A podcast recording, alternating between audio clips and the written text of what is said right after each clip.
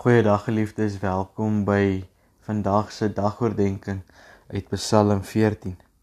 Ek nooi uit om saam met my stil te word, dan gaan ek vir ons voor in gebed. Ons Here en Hemelse Vader, ons sê vir U dankie dat ons weer bymekaar kan wees, Here, rondom U woord en vir oomblik om stil word en op U gefokus kan wees. Here, kom seën ons terwyl ons so na U woord luister kom werk in ons met die Heilige Gees en kom gee dat ons ook die boodskap uit Psalm 14 saam met ons sal dra en saam met ons vorentoe sal vat ook in ons verhouding met U. Here ons kom bid en vra dat in afhanklikheid in U naam alleen. Amen. Geliefdes, ek lees vir ons Psalm 14, die opskrif God is aan die kant van die regverdiges vir die koorleier van Dawid Die dwaas dink daar is geen God nie. Dwaase mense vernietig alles wat hulle doen. Is 'n gruwel vir die Here. Daar is nie een wat goed doen nie. Van die hemel af kyk die Here die mense deur om te sien of daar een verstandige is, een wat na die wil van God vra. Almal het afgedwaal. Die laaste een het om ontaard. Daar is niemand wat goed doen nie, selfs nie een nie julle almal wat onreg pleeg, wat my volk opeet, asof julle brood eet, en wat weier om die Here te dien, weet julle dan nie dat daar iets vreeslik met julle gaan gebeur nie? Omdat God aan die kant van die regverdiges is, sal daar niks kom van julle planne teen die hulpeloses nie. Die Here bly sy toevlug. Ag, mag daar tog uit Sion vir Israel redding kom. Wanneer die Here die lot van sy volk verander, sal Jakob juig, sal Israel bly wees. Ons lees tot sover. Geliefdes, wanneer ons kyk na Psalm 14, dan wil dit met die eerste oogopslag lyk asof daar 'n kontras gevorm word tussen ryk en arm. Maar dan kom ons agter later dat dit nie so seer daar gaan nie, maar eerder 'n kontras is tussen die goddeloses en die regverdiges. Dit lyk asof die regverdiges hier ook arm is, asof hulle ook hulpeloos voorkom. Veral as ons kyk na vers 5. Die kontras is tussen dwaases en wyses. Tussen onverstandiges en verstandiges. Mense wat niks van God begryp nie en die wat wel iets van God begryp. Die kontras is hier nie tussen die intellektuele dwaase en wyse nie. Dit is eerder tussen 'n geestelike dwaase en wyse. Die intellek en die verstandelike vermoëns is nie hier vir die psalmis in die versie nie. Dit is nie dit waarop hy kom fokus nie. Maar waarop hy wel kom fokus is die verhouding met God en die begrip vir wat hy doen. Daarom verby die mens en sien vir God raak. Om dan juis dwaas te wees is ook om nie 'n beskrywing uit 'n menslike perspektief nie, maar uit God se perspektief. Dit is hy wat hulle beskou as dwaas. Dit is om nie deur die mense oë te kyk nie, maar deur God se oë te kyk. Uit ons soek uit of uit ons uitkyk uit kan iemand ryk en suksesvol wees en magtig voorkom. Uit God se hoek uit kan so iemand arm en 'n mislukking en as swak voorkom. 'n Dwaas is iemand wat lewe sonder om na God te luister om van hom leiding te ontvang of sy of haar lewe te rig en te laat begelei deur God. 'n Wyse is iemand wie se lewe juis draai om die luister na God en die vertroue op die pad waarop hy sy of haar lewe begelei.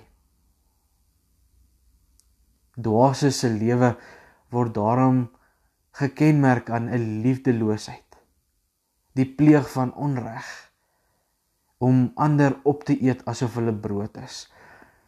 Daai verslindheid gesindheid te hê. om ander net op te neem sodat daar van hulle niks oorbly nie. Dwaasers kan die wyses ook nie uitstaan nie. Hulle het nie tyd vir hulle nie. En daarom wil hierdie dwaasers ook op allerlei maniere die wyses op 'n moeilike manier laat swaar kry. Wyses boeddhis die heeltyd onder die aanslag van die dwaasers. Net omdat die dwaasers nie die geloof en vertroue in God het nie. Maar wyses se lewens juis daardeur gekenmerk word dat hulle geloof en vertroue in God het. Daarom kan hulle ook hierdie aanslag van die dwaasers vat en weet hulle kan sterk staan want God gee hulle die vermoë om dit te doen. Wyse se lewe word ook teenoor die van die dwaase gekenmerk deur die toevlug wat hulle neem tot God en 'n vertroue wat hulle het op sy redding en sy omstandighede wat hy kom verander. Hulle sal juig en bly wees en in God se teenwoordigheid tot hulle regkom. Ons moet nie so gou die dwaase in ons omgewing soek nie. Die Psalm is ook eintlik baie duidelik daaroor dat dwaasheid 'n algemene kenmerk van die mensdom is. En dit ook in ons opgesluit is. Dit is waarom ons ook vanuit Paulus leer ken in Romeine 3 en die paar verse wat hy daar aanhaal wat verband hou met Psalm 14 en dan ook die evangelie van Jesus Christus as die weg uit die dwaasheid en dit so verkondig. En spesifiek sê dat God deur sy gees sy liefde in ons harte uitstort. Om ons juis weg te laat beweeg en te verander van dwaasheid na liefde. Ons sien in die nadenke van die psalmes oor die mens het aanvanklik in hierdie psalm begin deur dit in te lei as 'n klaaglied. Maar soos dit ontwikkel en verder gaan kom mond dit uit in 'n bede tot God om verlos te word. En daarmee saam ook die verwagting om God se aktiewe teenwoordigheid in die gemeenskap rondom hom te beleef en te ervaar. Dit is waarom hierdie Psalm ook gelees moet word as 'n geestelike pelgrimstog waar ons self van dwaasheid tot begrip en liefde beweeg word. Elkeen van ons begin by hierdie dwaase optrede in ons lewe. Maar ons sien uit na die begrip en die liefde wat te vind is in God. Geliefdes, as ons kyk na die vertaling van vers 6, dan lees dit eintlik letterlik soos volg: God is in die vergadering van die regverdiges. En dit wil vir ons kom sê God is teenwoordig in die gemeenskap van die wat hom dien. As 'n beskerming teen die wat teen hulle planne beraam. Daarom gaan ons Psalm ten diepte oor die dwaasheid, maar ook die wysheid. En dat ek en u by beide van hierdie terme ingesluit ingesluit word en ons op reis is op hierdie pelgrimstog saam met God om te beweeg weg van die dwaasheid af en oor te beweeg na die wysheid. En daarom weet ons dat op die einde van die dag is die oortuiging om te sê net 'n dwaas sê daar is geen God nie. Want ons kan nie anderste as om God te erken vir wie en wat hy is nie.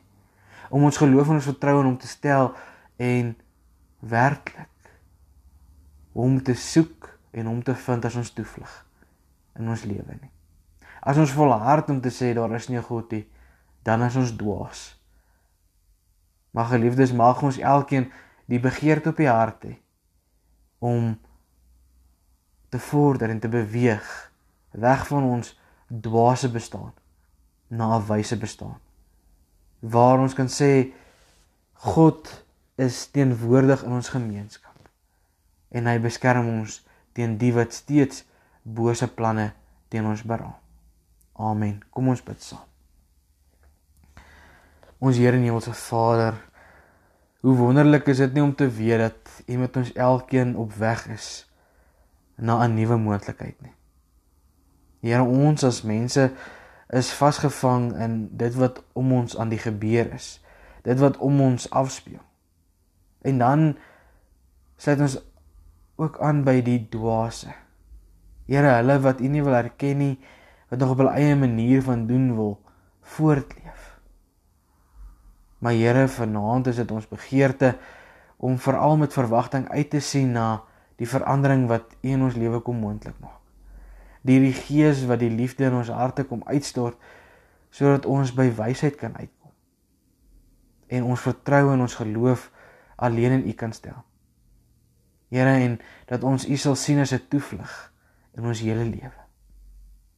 Here, ons kan dit nie doen vanuit ons eie krag of ons eie vermoë nie. Ons het U nodig. En ons wil vir U vra kom wees by ons, kom lei ons op hierdie pad en kom gee dat ons al vas aan U getrouheid deur gehoorsaam daarop te reageer. Here, ons sê vir U dankie dat ons elke dag uit U woord uit iets nuuts kan leer en kan hoor en dit het vir ons bevestig word in die uitleef van ons lewe in verhouding met U. Wil U ook vanaand by ons wees, Here, ons beskerm ons bewaar en gee dat hierdie woorde van Psalm 14 tussen die wyse en die goddelose in ons koppe sal bly, maar dit ook sal beweeg na ons harte toe. En ons sal kies om nie net in die dwaasheid vasgevang te bly nie, maar daarvan weg te beweeg om wys te word in U. Here, kom seën ons en kom gaan ons vooruit. Ons wil agter U aan loop en U volg binne U wil. Ons bid en vra dit in U naam alleen. Amen. Geliefdes, mag jy 'n geseënde aand beleef saam met die geliefdes tuis. Groete.